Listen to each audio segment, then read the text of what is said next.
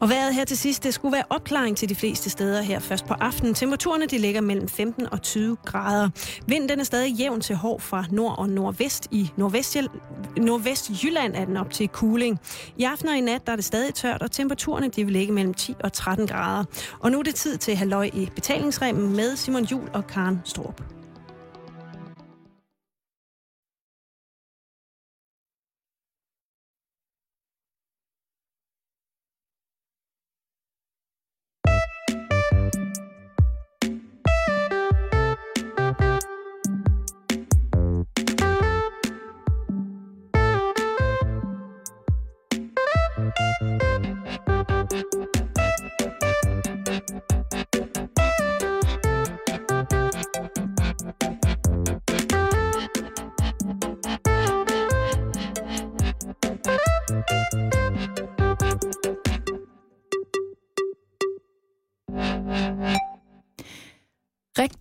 Hjertelig og varmt velkommen her til Halløj i betalingsringen på Radio 24 /7.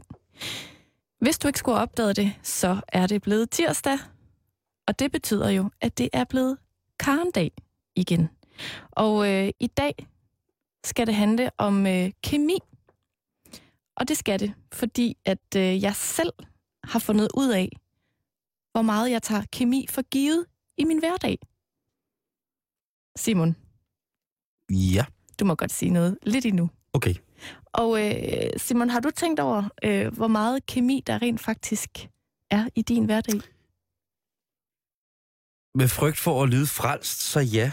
Jeg har jo en far, som er kemiingeniør. Det er også rigtigt, Og så ja. har, øh, så har jeg øh, i gymnasiet været utrolig dårlig til for eksempel matematik. Men fysik og kemi, det var lige ned min ærlig. Og der var jo så en stor skamyssel imellem min matematik og min kemilærer. Der var det, en form for pædagogisk gråzone, hvor de ikke kunne forstå, at jeg kunne få tingene i kemi og fysik til at virke rigtig, rigtig, rigtig godt. Men matematik kunne jeg simpelthen ikke se det nødvendige i. Så på en eller anden måde, så har jeg... Øh, jeg, jeg tænker utrolig meget over det mm. øh, med kemi, og man tænker jo også mere og mere på kemi, fordi man jo hele tiden bliver, bliver i rettesat af alle mulige mærkelige medier.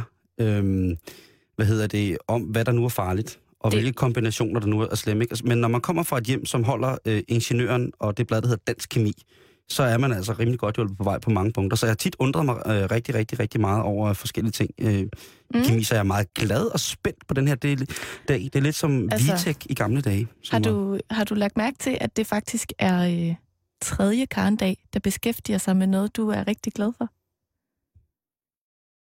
Skal jeg lige ramse op? Ja, det tror jeg lige, du bliver nødt til, fordi jeg kan kun komme på strikning. Jamen, det, det er nemlig, jeg har faktisk hæftet, for at bruge et lille strikkeudtryk, mig ved, at øh, du vender meget tilbage til den med strik hele tiden. Men det er faktisk sådan, at for to år siden handlede, altså ikke to år, men to uger siden, Mm. handlede det om fodbold.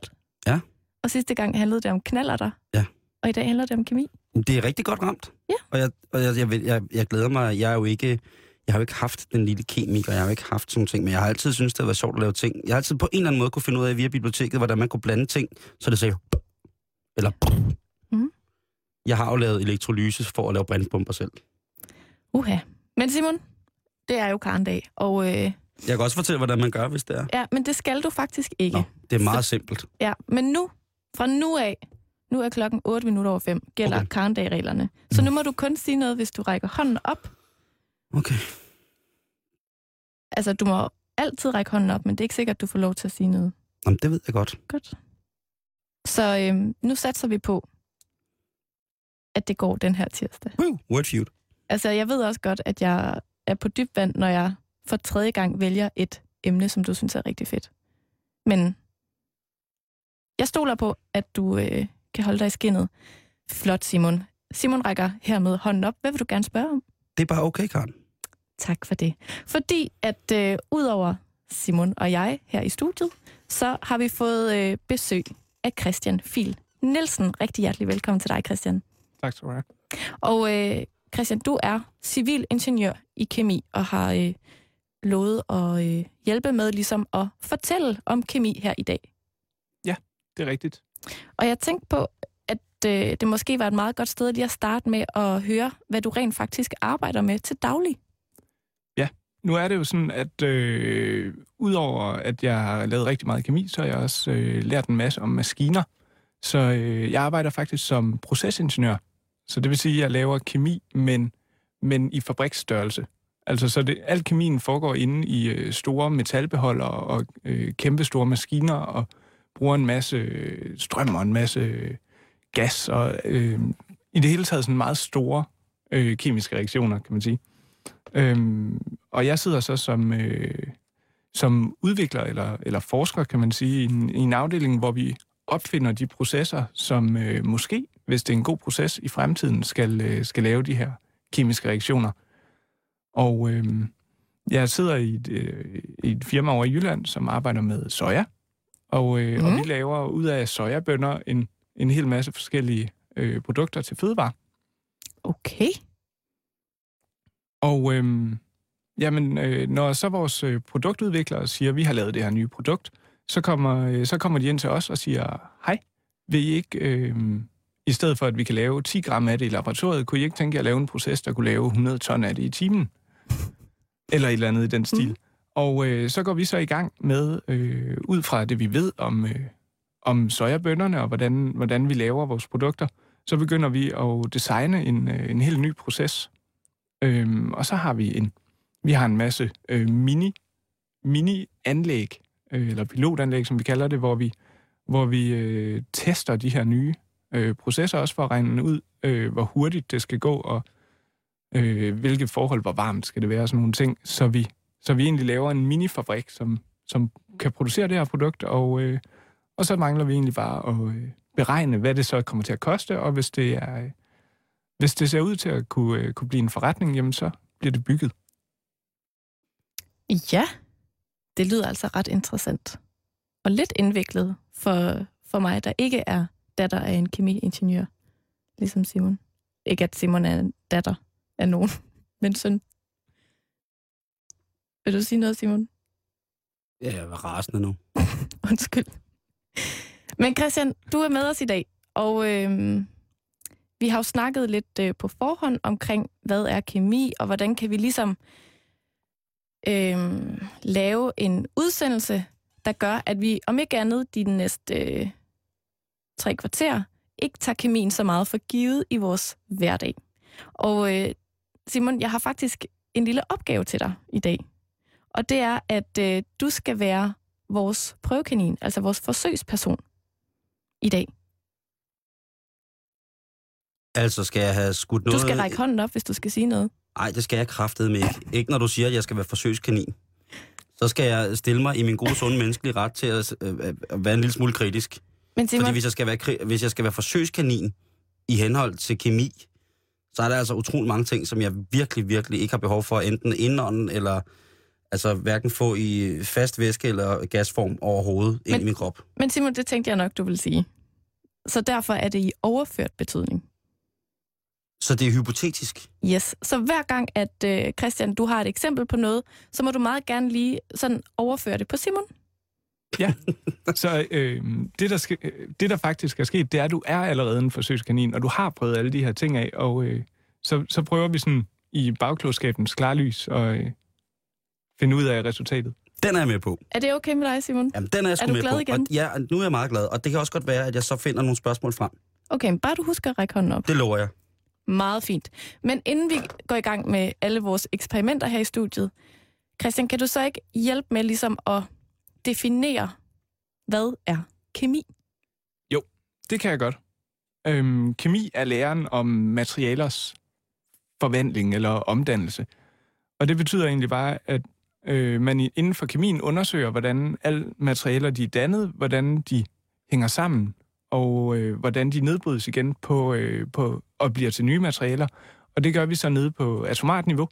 Det vil sige, at øh, øh, jeg ved ikke, om alle øh, lytterne ved det, men, men stort set alt, hvad vi omgiver os med, øh, består af atomer.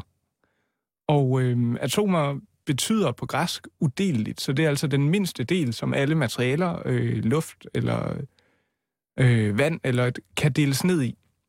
Og øh, dermed så, øh, øh, når, man, når man kan gå ind og analysere alt, hvad der er omkring os på atomart niveau, så, øh, så bliver det hele meget nemt, fordi atomer har det øh, den glædelige egenskab, at de altid opfører sig på samme måde. De opfører mm. sig meget forudsigeligt. Og øh, dermed, så ved at kende atomerne og hvordan de reagerer med hinanden, kan man forudsige, hvad der vil ske, og man kan få tingene til at ske igen og igen. Ah, okay. Og har du for eksempel et eksempel på det? Ja. Øhm, en af de reaktioner, som, øh, som der er mange af os, der bruger hver dag, og som vi er glade for sker på samme måde hver gang, det er den måde, øh, benzin brænder på. Fordi hvis ikke det var sådan, at man kunne forudsige, nu kommer vi lidt benzin ind i øh, cylinderen i den her motor og sætter ild i det, øh, og så brænder det, så ville motoren jo, øh, det får motoren til at dreje rundt, men hvis den ikke gjorde det på samme måde hver gang, så ville den dreje for hurtigt eller for langsomt, og gaspedalen ville ikke du, og motoren ville gå i stå eller eksplodere. Så det er egentlig rigtig rart, at den øh, kemiske reaktion, den altid sker på samme måde, fordi så kan vi få ting til, så kan vi få kemien til at arbejde for os. Og det kan man jo passende tænke over, hvis man sidder i sin bil og er på vej hjem fra arbejde lige nu, og øh, lytter med her på øh, Radio 24 at man er simpelthen kørende, godt kørende, midt i en kemisk proces. Ja. Som er en gentagelse. Og med, øh, med 2.000 omdrejninger, så, så sker der jo i hvert fald, øh, og fire cylinder, så må vi antage, at der sker cirka 8.000 øh, ens kemiske reaktioner hver eneste minut, man kører i sin bil. Wow. Hvad kunne være et andet eksempel på øh, øhm, kemi? Jamen, øh, et af de steder, hvor alle mennesker de, øh, de bruger kemien hver eneste dag, det er i køkkenet. Mm. Køkkenet er jo hjemmets laboratorie, og øh, når, man, øh, når man skal lave et eller andet mad, så er det i virkeligheden en, et, en kemisk proces, man udfører. Og en af de rigtig svære kemiske processer, det er at lave en soufflé bevares. Ja. Det ved jeg ikke, om øh. andre end mig kender til, men jeg synes i hvert fald, det kan være lidt svært indimellem. Og øh, altså en soufflé, man blander noget mel og noget æg og nogle, øh, noget vand og nogle andre ting, og øh, så skal man have den til at svulme op, og så skal den stivne, lige når den er allerstørst og flottest. Og hvis ikke man får det til at ske på den helt rigtige måde, så øh, bliver souffléen en fiasko. Så hvis, man, øh, hvis det er for varmt eller for koldt, eller man ikke har det rigtige blandingsforhold mellem øh, mellem mel og æg, jamen så kan man ikke få den til at, at øh, stivne, og så falder den, øh, falder den sammen igen. Eller det kan være, at man har øh, kommet for lidt vand i, og så, så udvider den sig simpelthen ikke. Men hvad er det rent kemisk, der sker, når man laver en soufflé? Jamen, øh, man har jo øh, noget mel, som øh, indeholder stivelseskorn, og stivelseskorn, de øh, har den egenskab, at når de er våde, altså der, øh, de er øh, sammen med noget vand, og, øh, og de så bliver varmet op, så lige pludselig så svulmer de op, de suger vandet og bliver til gelé. Og hvis man koger dem øh, længe, øh, og der er masser af vand, så bliver de i stedet for til slime. Men vi vil gerne have gelé. Og samtidig så har man ægget, og præcis ligesom når man laver et spejlæg, så stivner æg øh, på et øh, helt bestemt tidspunkt ved en bestemt temperatur. Og øh, når man, øh, når man har de her to øh, kemikalier, så vil vi gerne have dem til at stivne lige præcis der, hvor souffléen, øh, som er fyldt med vand, vandet det har kogt og udvidet sig, og souffléen er vokset, og så vil vi gerne have den til at stivne lige der. Og øh, det er en meget, øh, ved jeg i hvert fald mange synes, en meget kompliceret kemisk reaktion at få til at lykkes. Okay, så øh, når man står der i køkkenet og øh, kokkererer, så er man i virkeligheden midt i et laboratorium hvor man fyrer op under en masse kemi. Ja. Christian, vi skal øh, snakke lidt mere, øh, hvad skal man sige, øh, kemi, som man tager for givet. Og vi bliver faktisk i køkkenet. Og øh, nu skal vi have dig, Simon, på banen som vores øh, forsøgsdyr. Ja. Vores lille forsøgsrotte. Mm. Og, øh, Forsøg mig. Husk, du kun må sige noget, når du får lov, ikke? Ja, men det, det er en regel, jeg fuldstændig synes jeg godt, vi kan annullere henhold til, at jeg har lagt en krop til hypotetiske øh, kemiske forsøg. Det ved jeg godt, du synes. Jeg gider ikke række hånden op, hvis jeg skal råbe hjælp. Ja, ja. Men jeg gider ikke række hånden op, hvis jeg skal råbe hjælp. Jeg håber ikke, det bliver nødvendigt. Nej. Nå, Christian, vi skal starte med første ting, som man, altså, hvad skal man sige, fænomen, kemiske fænomen, som man måske tager for givet i sin hverdag. Og jeg vil nu prøve at udtale, hvad det hedder. Det hedder en Maillard-reaktion. Ja, Maillard øh, er faktisk øh, efternavnet på en fransk kemiker, som øh, levede i starten af forrige århundrede, altså i starten af 1900-tallet, og han øh, hed øh, Jean Maillard, og han, øh, han beskrev en kemisk reaktion, som, som øh, vi alle sammen kender. Og øh, Simon, har du øh, øh, nogensinde prøvet hjemme i dit køkken for eksempel at stege en bøf? Ja. Yeah. Kan du ikke prøve at beskrive, hvad der sker? Hvad, hvad gør du, og hvad oplever du, der sker med bøffen? Øh, jo, altså jeg oplever jo, at øh, jeg skal have en pande, som er forholdsvis varm, og øh, den pande den skal så opnå en vis temperatur, sådan så at når jeg øh, lægger kødet på panden, så opnår jeg den, hvad kan man sige, kemisk reaktion på kødets overflade, der gør, at øh, alt efter hvad kød skal bruges til, men i henhold til en bøf, at vi ligesom får forsejlet og lukket væskerne inde i kødet øh, på en måde, sådan så at de kødproteiner, de kødsafte, sukker, der, sukkerstof, der er øh, i, i, i kødet, ligesom går hen og, og karamelliserer til det, der bliver mørkt, øh, og ligesom lukker til, sådan, så vi beholder og ligesom indgår, eller laver en lille kogeproces i stegningen inde i kødet selv. Okay. Øhm, nu siger du, der sker en, øh, en kemisk proces på overfladen af din pande. Mm. Og, Nej, på bøffen. Ja, okay. At den sker jo som reaktion af den energi, der bliver påført fra varmen over på bøffen, over på kødet, ikke? Tror jeg, sådan nogenlunde det må hænge sammen. Ja. Øhm, hvad sker der, hvis du øh, øh, bager noget brød, og øh, så kommer til at hænge for en fjernsynet? Øh, hvad sker der så? Jamen så... Øh, øh, ja, altså så... Eller en tærte. Jeg skulle lige sige det. så, øh, så, øh, så forkulder proteinerne sukkerstoffet. Altså det går hen og bliver helt sort, og det bliver øh, ganske uspiseligt, og antager også en helt anden form rent konsistensmæssigt. Ja, hvad sker der i den... Øh, der er lige fem minutter, hvor, hvor brødet er inde i ovnen, og det har en flot farve. Hvad, øh... Ja, der bliver, det jo, der bliver det jo bagt, ikke? og der sker jo en reaktion, som ligesom er, at varmen kommer til at arbejde øh, hårdere med for eksempel de... Øh, man kan sige, at, at mel er jo, når man rører det sammen med væske, som du også lige forklarede før, altså, så er det jo, man får den her lidt strengede ting. Og det er jo faktisk de ting, som der bliver blandet sammen, som gør, at øh, jamen, det binder sig, men det bliver også mere elastisk. Og det, når man kommer det ind i ovnen, så har jeg den fornemmelse, at så den varme, der så bliver påført, gør, at det udvikler sig yderligere, det danner en skorpe. Og inde i den skorpe, jamen, så foregår der stadigvæk en lille kogeproces, så vi får krummen øh, fugtig og sej. Det vil jeg gerne have. Mm. Øhm, men skorpen dejlig sprød, øh, og med en, en lidt anden smag. Ja. Øh, du har jo nærmest øh, taget ordene ud af munden på mig, men, men øh, det vi øh, vender tilbage til, det er øh, Maillard-reaktionen. Og den sker øh, lige præcis, som du beskriver det, i overfladen. Øhm, den kan kun foregå ved temperaturer over øh, 150 grader, og den kan kun foregå, når der er relativt tørt. Så det vil sige, det der sker i overfladen af kødet, eller i øh, overfladen af, af brødet, det er, først så tørrer overfladen ud, og så, øh, når der ikke er mere vand, der kan fordampe, så kan temperaturen komme op på, ah, på 150 ja, grader. Og når den gør det, så begynder de sukkerstoffer, som både er i mel og i, øh, og i, kød. i kød, Minusyre og, og proteiner. Og reagerer med de proteiner, som også er i både mel og kød. Og når de to reagerer med hinanden, så bliver der dannet den her øh, brune skorpe, og så bliver der dannet en masse utrolig velduftende og velsmagende stoffer. Mm. Faktisk så øh, øh, ikke bare brød og kød, der bliver stegt, men også hvis man steger grøntsager, hvis man øh, øh, laver kartoffelchips, eller hvis man øh, rester kaffe. Eller krydderier. Mm. Ja. Eller øh, nødder og kerner.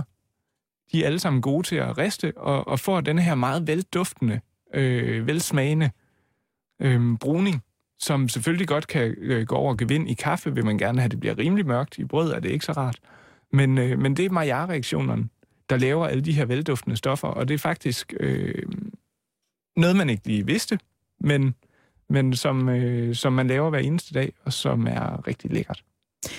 Er der så nogle ting, øh, er, der, altså, er der noget, Simon kan putte på sin pande hjemme i sit køkken, som ikke danner den her reaktion? Ja, der er masser af ting. Øhm, faktisk så, øh, hvis han bruger planteolie til at stege i, så øh, er der ingen sukker og ikke noget protein i det, så det vil sige, det bruner ikke. Men hvis han tager smør, så har vi både sukker og protein til stede, så det er derfor smør kan brune, og olie ikke bruner. Nogle gange er det lækkert, nogle gange øh, bliver det faktisk helt ødelagt af det, når smøret det bliver for brunt og for varmt. Øhm, så det er, øh, det er godt at vide, at der ligesom er den forskel, og det er også meget interessant, øhm, hvis man tager svinekød Mm. og steger det, så, øh, så bliver det faktisk ikke særlig brun. Det bliver nærmest bare sådan gråt og, og kedeligt og tørt. helt, helt gråt kød. Og øhm, hvis man gerne lige vil give sin, øh, sit øh, svinekød et boost, så kan man lige sørge for at marinere det en lille smule. Kom lidt, øh, lave en marinade, kom lidt sukker i, eventuelt bare lige vende det i lidt mel.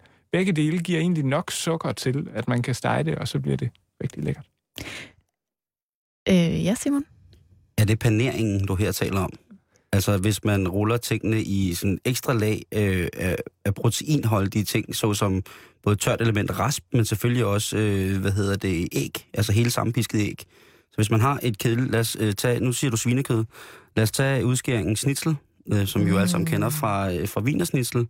Hvis vi antog, at vi stegte den i en vegetabilsk olie, øh, uden øh, nogen nævneværdige øh, proteinholdige genstande, så, og ren selvfølgelig, øh, så vil vi få øh, den her, som vi taler om, lidt, øh, lidt grå, øh, kødagtige ting. Øh, selvfølgelig ville man, hvis man stegte ved høj nok varme, kunne optage en form for afbrænding i den her Maillard-proces.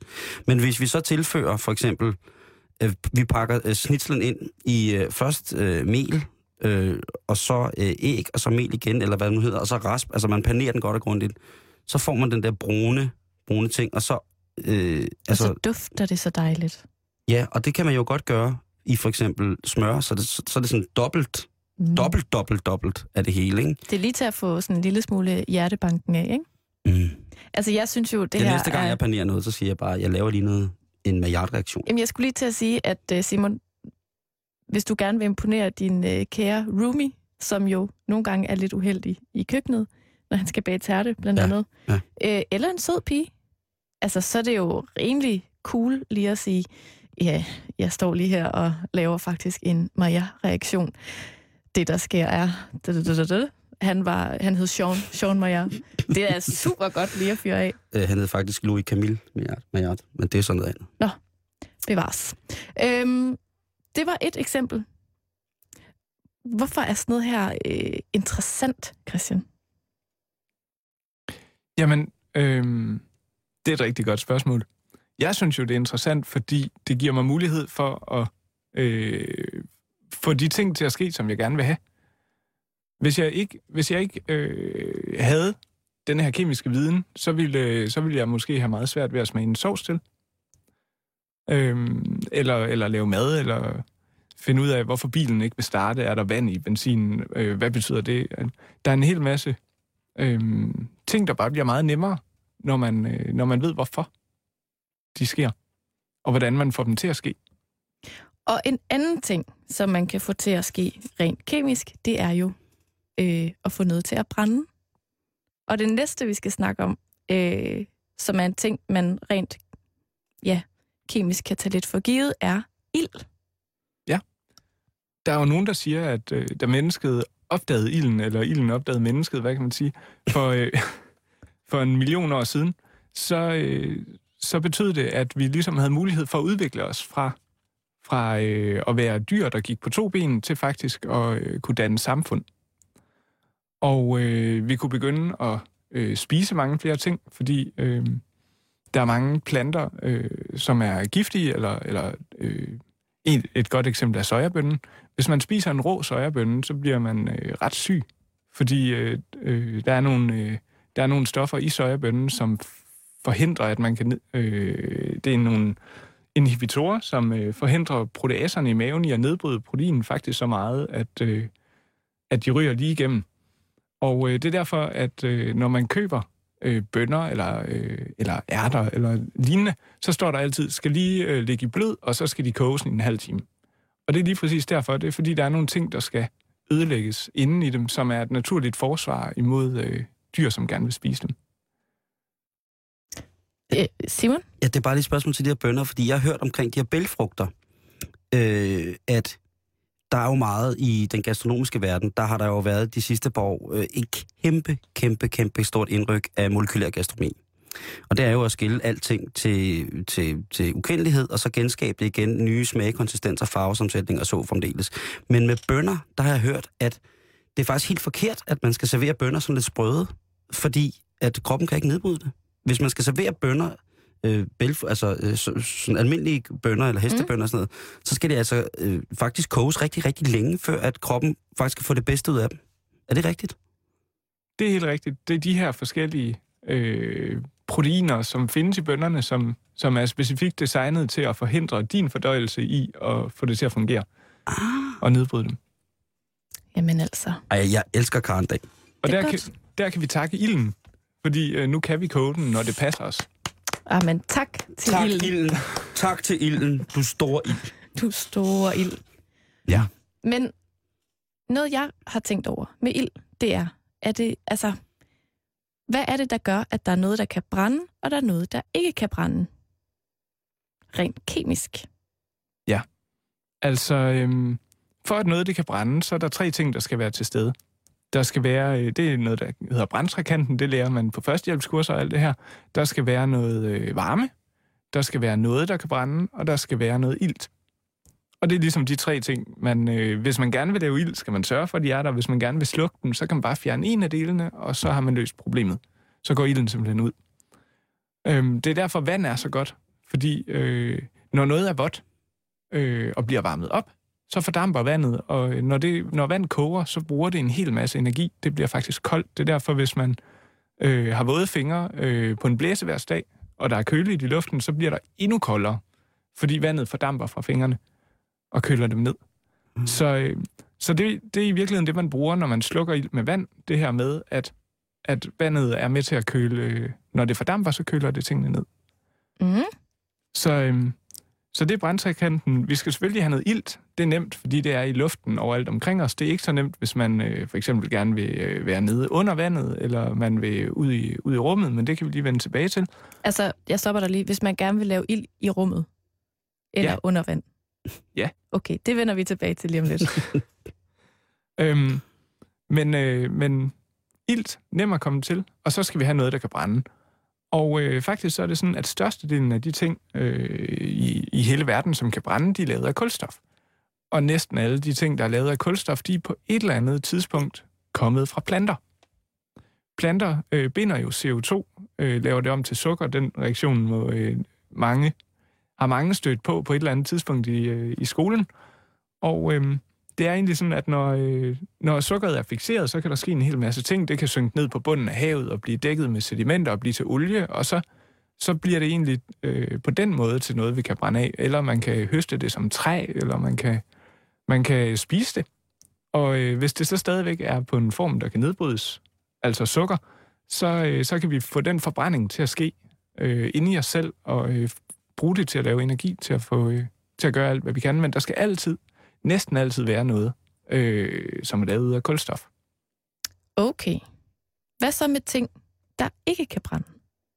Jamen, øh, langt de fleste af de ting omkring os, som ikke kan brænde, det er fordi, øh, de kemisk set allerede er brændt. Øh, hvis man tager en sten, så består den af silicium og ilt. Og det har så reageret og er blevet til siliciumoxid. Og øh, fordi det allerede er iltet, så kan det ikke brænde mere. Altså, det er forbrændt færdigt, kan man sige. Øhm, noget, som, øh, som man tænker, det kan da i hvert fald ikke brænde, er jern.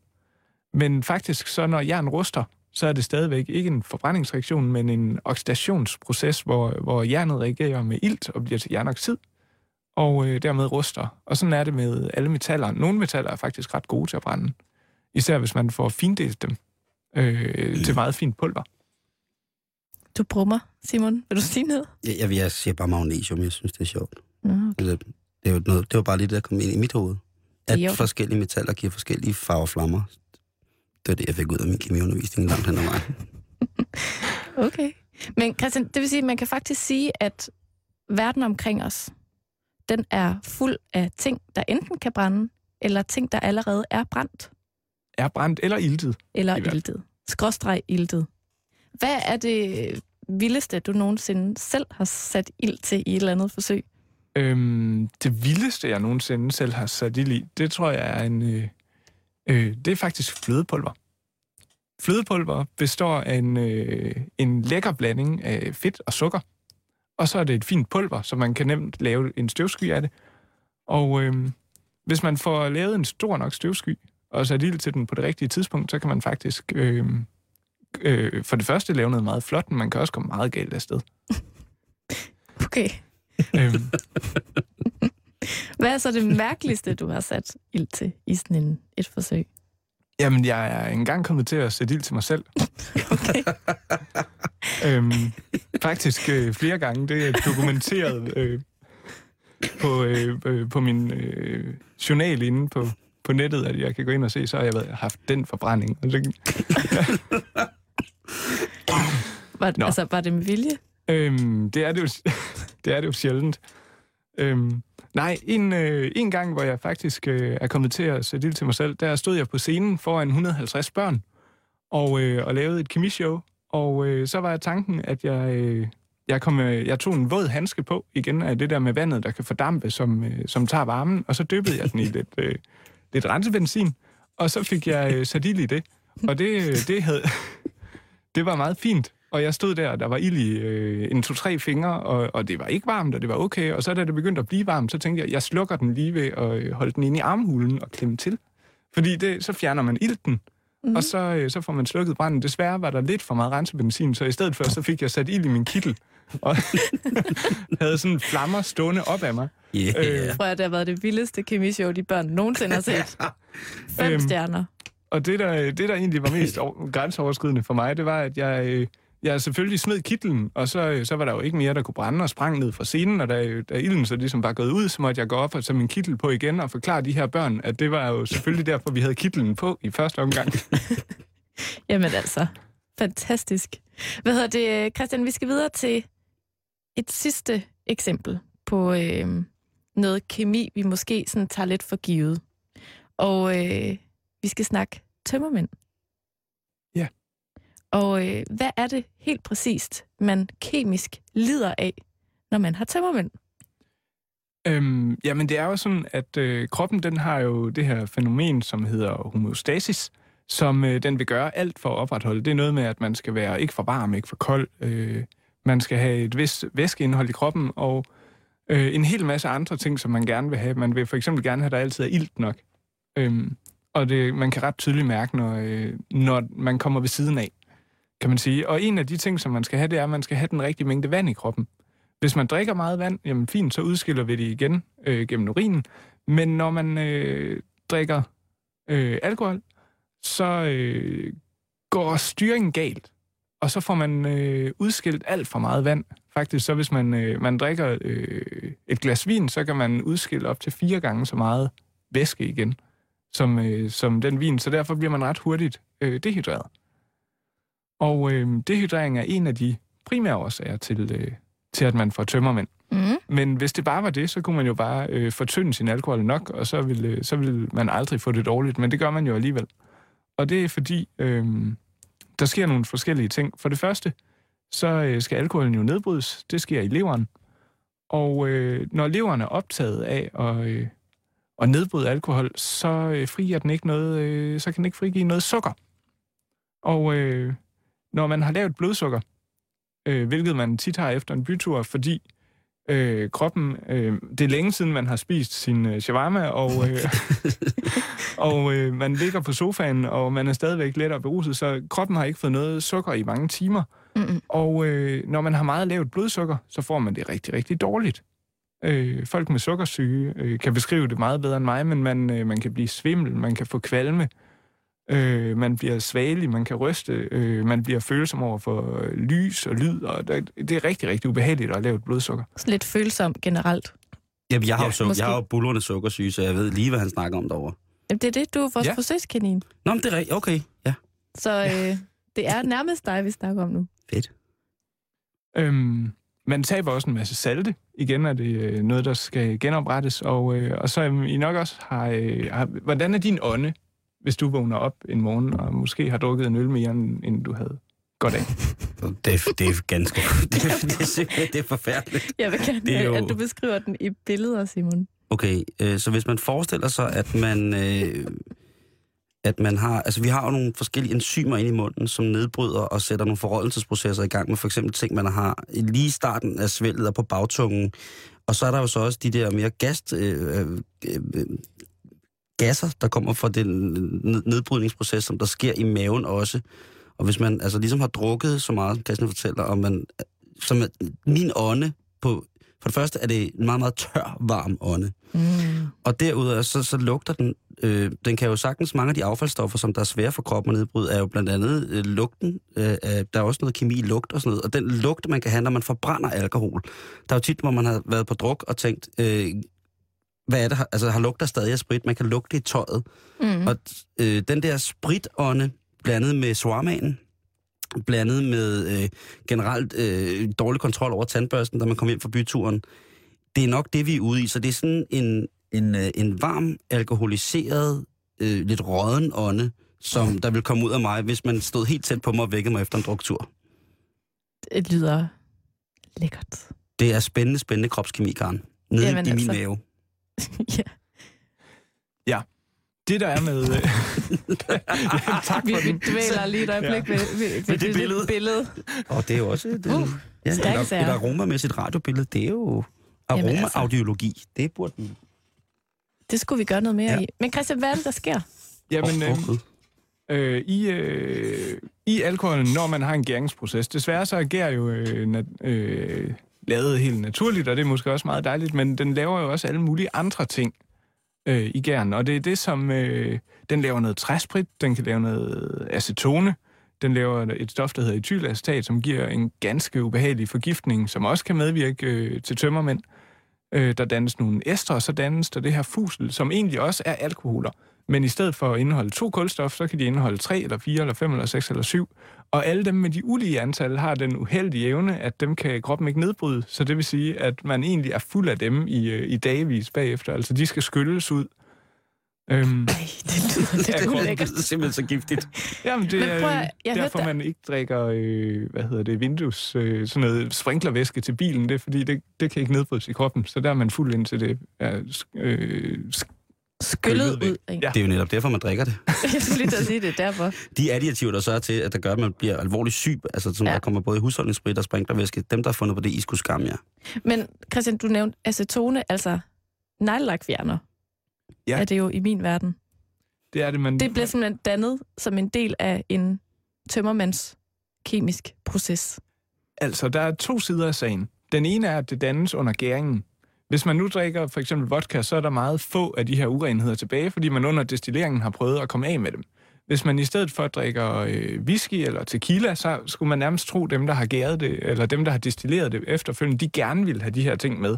Det er selvfølgelig det, der giver den karakteristiske smag, men det er altså også det, der gør, at når man drikker de her ting, som har sådan... Nogle gange er det karakteriseret ved en mørk farve, men også en meget kraftig duft. Mm. Så øh, skyldes det altså de her urenheder, som gør, at man får det rigtig meget dårligere af de mørke ting, end de lyse ting, kan man sige. Og Simon vil gerne spørge om noget. Værsgo. Ja, det er, fordi det er mega fedt, det her. Øhm, der er jo en populær drink, som i folkemunden lider af navnet Skinny Bitch. Og det er jo altså en vodka med dansk vand. Mm-hmm. Nu har jeg øh, for mange år siden nyt den drink rigtig meget. Og der var sådan lidt en, en floskel, og det kan være, at det har været en urban ting, men den drev rundt, der hed, hvis du hele aften drikker kun vodka og dansk vand, uden at få nogen former for, for, for sukkerstoffer med i det, altså blander op med juice eller med cola eller sådan noget, så, så vil øh, din sø, øh, tømmermænd næste dag være en lille smule mennesket, fordi du får indtaget en masse væske, og det der er problemet er, at de affaldsstoffer, som der nu vel kan være i en lad os bare sige, mellemklasse vodka, som måske ikke er filtreret så meget, de affaldsstoffer, som der sidder i spritten, som gør, at man får det rigtig skidt, de binder sig til sukkerstofferne i, i de fortynder, som man eventuelt kommer i, og det tager længere tid at komme af med. Er det bare en floskel?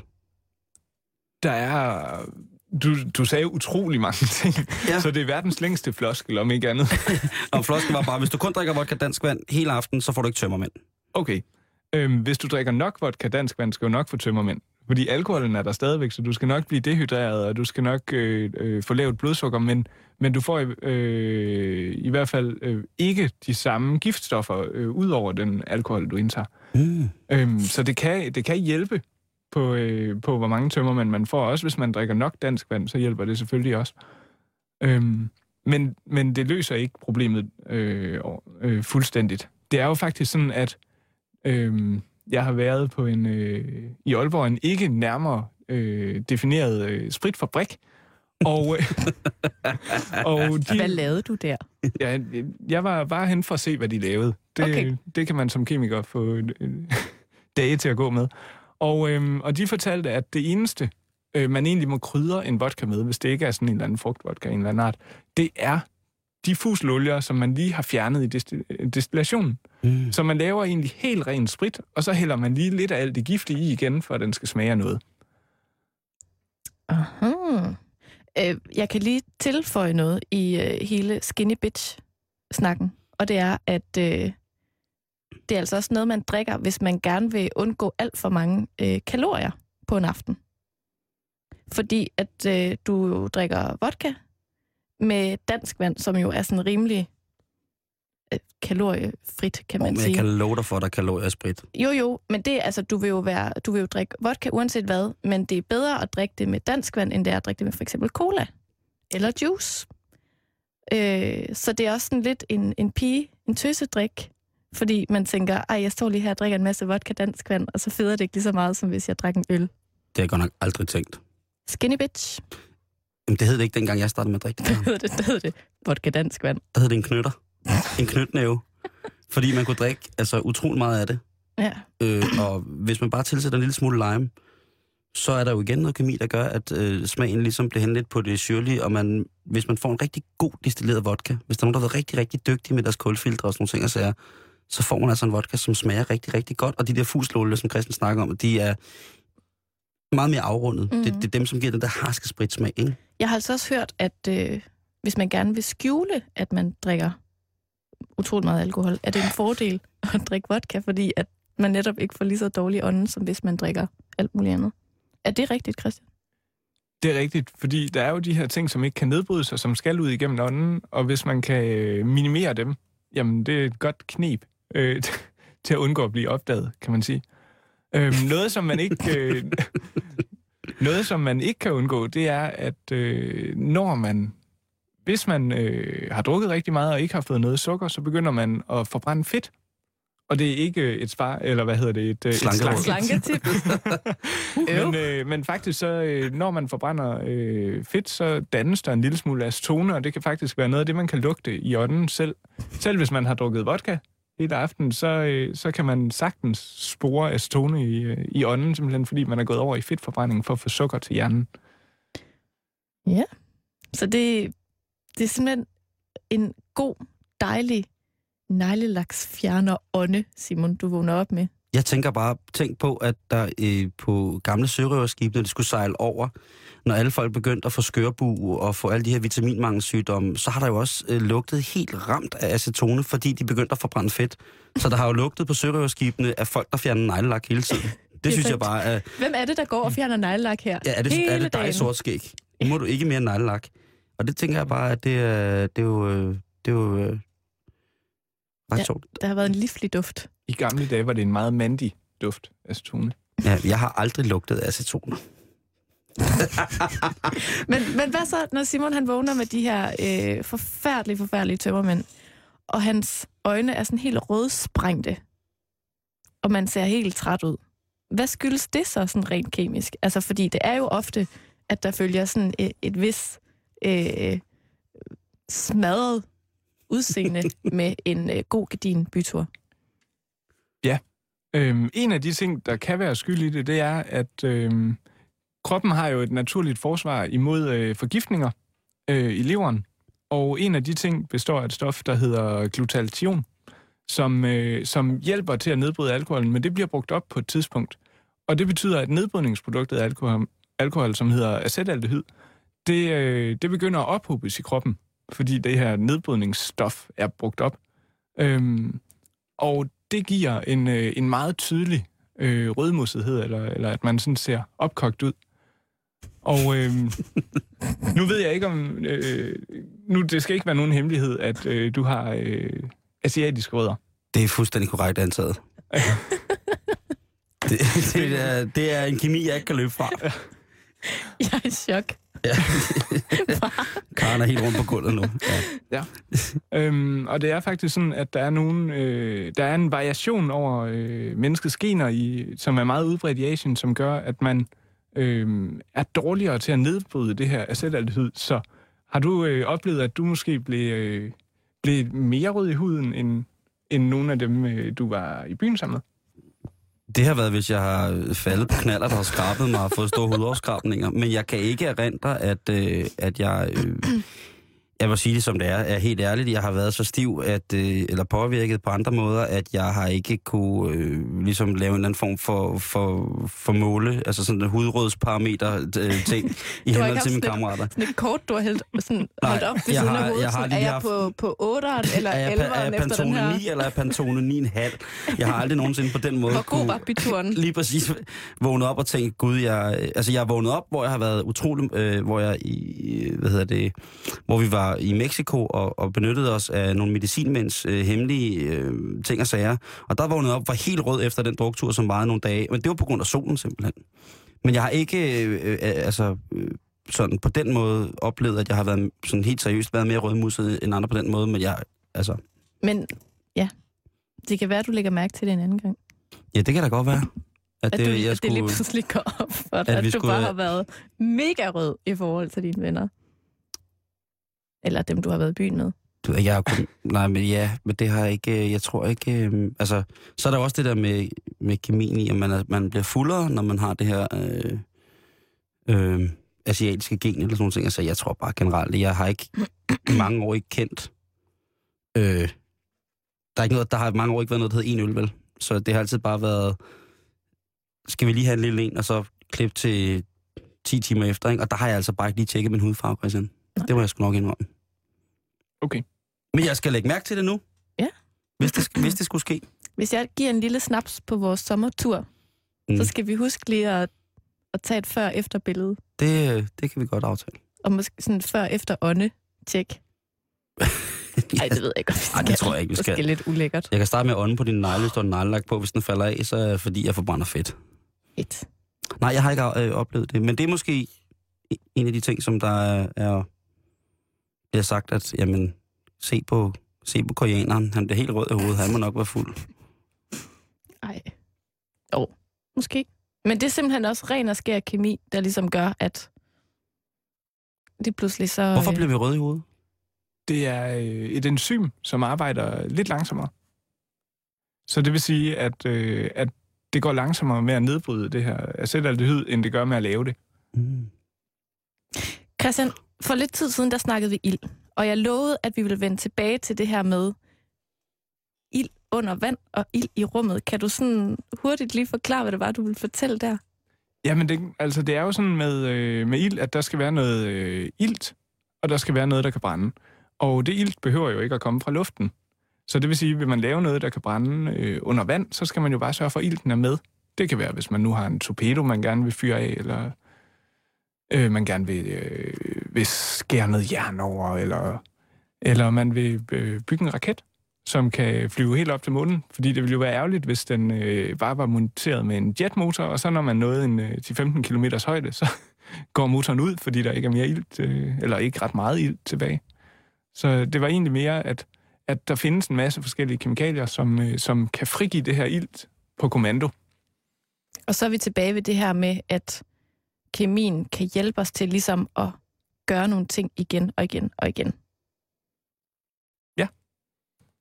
Christian, der er ikke så lang tid tilbage, og inden vi stopper, så øh, har jeg forberedt en lille kemitest for dig. Fordi der er jo ikke nogen tvivl om, at du har rigtig godt tjek på det her med kemi. Og øh, vi beholder vores øh, forsøgsperson Simon. Øh, og så vil jeg simpelthen lige øh, tjekke, om du kan forklare øh, nogle af de ting, Simon gør rent kemisk. Er, er du klar, Simon? Jeg er klar.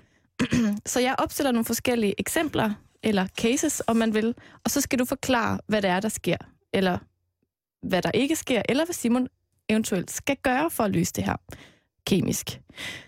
Her kommer første case. Det er, Simon, han skal til barnedåb hos nogle rigtig gode venner. Og de her venner, de går virkelig meget op i økologi, og de er virkelig rød med på helsebølgen. Det er altså derfor utrolig vigtigt, at den gave, Simon har med til den her barnedåb, ikke indeholder alt muligt klamt kemisk halløj. Hvad skal Simon købe for at finde en gave helt uden kemi? Det er en, øh, en stor udfordring, Simon er blevet stillet over for, fordi øh, selv hvis man køber et par økologiske hørbukser, så består de jo altså af, cellulose, og det her cellulose er jo også et kemikalie, som består af kulstof og ilt og brint osv. Så, så, øh, så en af de få ting i verden, som, øh, som han kan vælge her, det er en øh, partikelaccelerator.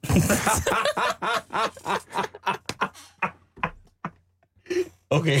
Altså, altså en partikelaccelerator. Ja, er 3 gange 34 det er Simon Jul. Jeg- Kan I ikke køre en tur til CERN for mig? Det kommer til at tage et par dage, men, og jeg vil nok foreslå, at I har store vogne, fordi der er alligevel øh, et par kvadratkilometer af, af udstyr, som skal transporteres til den her barndom ude i Herlev, så jeg tænker, øh, er det noget, I har noget tidshorisont på? Du kan jo ikke engang få den pakket ind, fordi så er den lige pludselig pakket ind i en masse kemi. Ja, det er Kleins boghandel. Ja, goddag, det er Simon Jul. Jeg skal bruge 859, million, kvadrat, øh, 859 millioner kvadratkilometer rødt papir. Altså Christian, bare lige for min skyld i hvert fald, gider du lige forklare, hvad en partikelaccelerator er? Jamen, en, øh, en partikelaccelerator behøver ikke være lige så stor og flot som den i CERN. Øh, den, de fås også mindre. Øhm, Så er de ikke sjove, Christian. Nej, det er rigtigt. Kun det bedste. Simon vil jo gerne imponere til den her barnedåb, ikke? Jeg er giver, kun fine, jeg altså- giver kun fine gaver, så jeg skal, ikke have så et andet, jeg skal ikke have et eller andet lille pilot udstyrstykke fra Risø, der står og brummer. Jeg skal have, eller hvor det nu ellers må stå, jeg skal have den fra CERN. Det skal der have. Hvis jeg skal til min gode venners barndåb, Ja. så skal de have en ordentlig partikelgenerator. Øhm, ja, altså grunden til, at en øh, partikelaccelerator er god, er jo, at vi skal have noget uden kemi i. Og øh, da kemien er studiet imellem øh, at, øh, interaktioner imellem atomer, og hvordan øh, de interagerer, et af de få steder, hvor de ikke gør, øh, det, er, det er inde i partikelacceleratoren. Øhm, og du kan lave den selv. Du skal bruge øh, nogle store magneter, De skal være store. og du skal bruge mange af dem, og så skal du stille dem i en, øh, en rundkreds. Og øh, så skal du øh, smutte ned forbi. Ej, må jeg godt komme med til den barnedåb, Simon? Jo, det kan du godt komme, Karen. Det er fint. Ja, Og så skal jeg også bruge en anselig mængde strøm. Det er rigtigt. Øhm, en slags øh, Duracell-batteri fra helvede. Jeg, jeg, kunne også, jeg kunne også give, øh, jeg kunne, jeg kunne jo også bare give, øh, hvad, altså, øh, jeg, jeg kunne give noget, noget, noget, noget, et eller andet, hvad er det der ikke, hvad hedder det, er det, er det magma? Nej, er det, det har også atomer. Hvad fanden er det, det hedder? Plasma. plasma. Jeg kunne jo også give en lille smule plasma. Ja, Det, det er jo også meget nemt. Så øh, altså, her er lige nogle tips til rigtig gode gaver til barndåb. Uden øh, atomer. uden atomer. Øh, vi har lige tre minutter tilbage, og vi skal nå det sidste eksempel, og det hedder... Simon er jo ninja i sin fritid. Hvad gør han den dag, han opdager, han er løbet tør for røgbomber? Det- Du leder efter en hurtig løsning, og, øh, og det bliver nok lidt svært. Fordi øh, for at lave en øh, røgbombe eller en, øh, en øh, blitzbombe, altså sådan en Hexia Dietrix øh, puff, så skal man, øh, så skal man have øh, et rigtig godt øh, oxidationsmiddel og noget, der brænder rigtig godt. Og øh, hvis man gerne vil, øh, hvis man gerne vil for eksempel bruge et metalpulver, så rammer man imod en mur, fordi øh, der står i øh, våbenloven under eksplosiver, at øh, øh, hvis metal er meget fint pulveriseret, så må du ikke eje det. Okay, Og, øh, så, men så rent hypotetisk, hvis Simon har det, Ja. hvad er så næste skridt? Så, øh, så øh, næste skridt er, øh, Simon, hvor gammel er du? Jeg er 35. Okay. Eller, jeg bliver 35 lige om lidt. Det er heldigvis betydeligt mere end 18. Og øh, hvis man er over 18, så kan man øh, få lov til, eller øh, så kan man øh, købe øh, kaliumnitrat, altså salpeter. Og øh, så hvis man ikke har metalpulveret, så kan man øh, i stedet for bruge, øh, bruge sukker.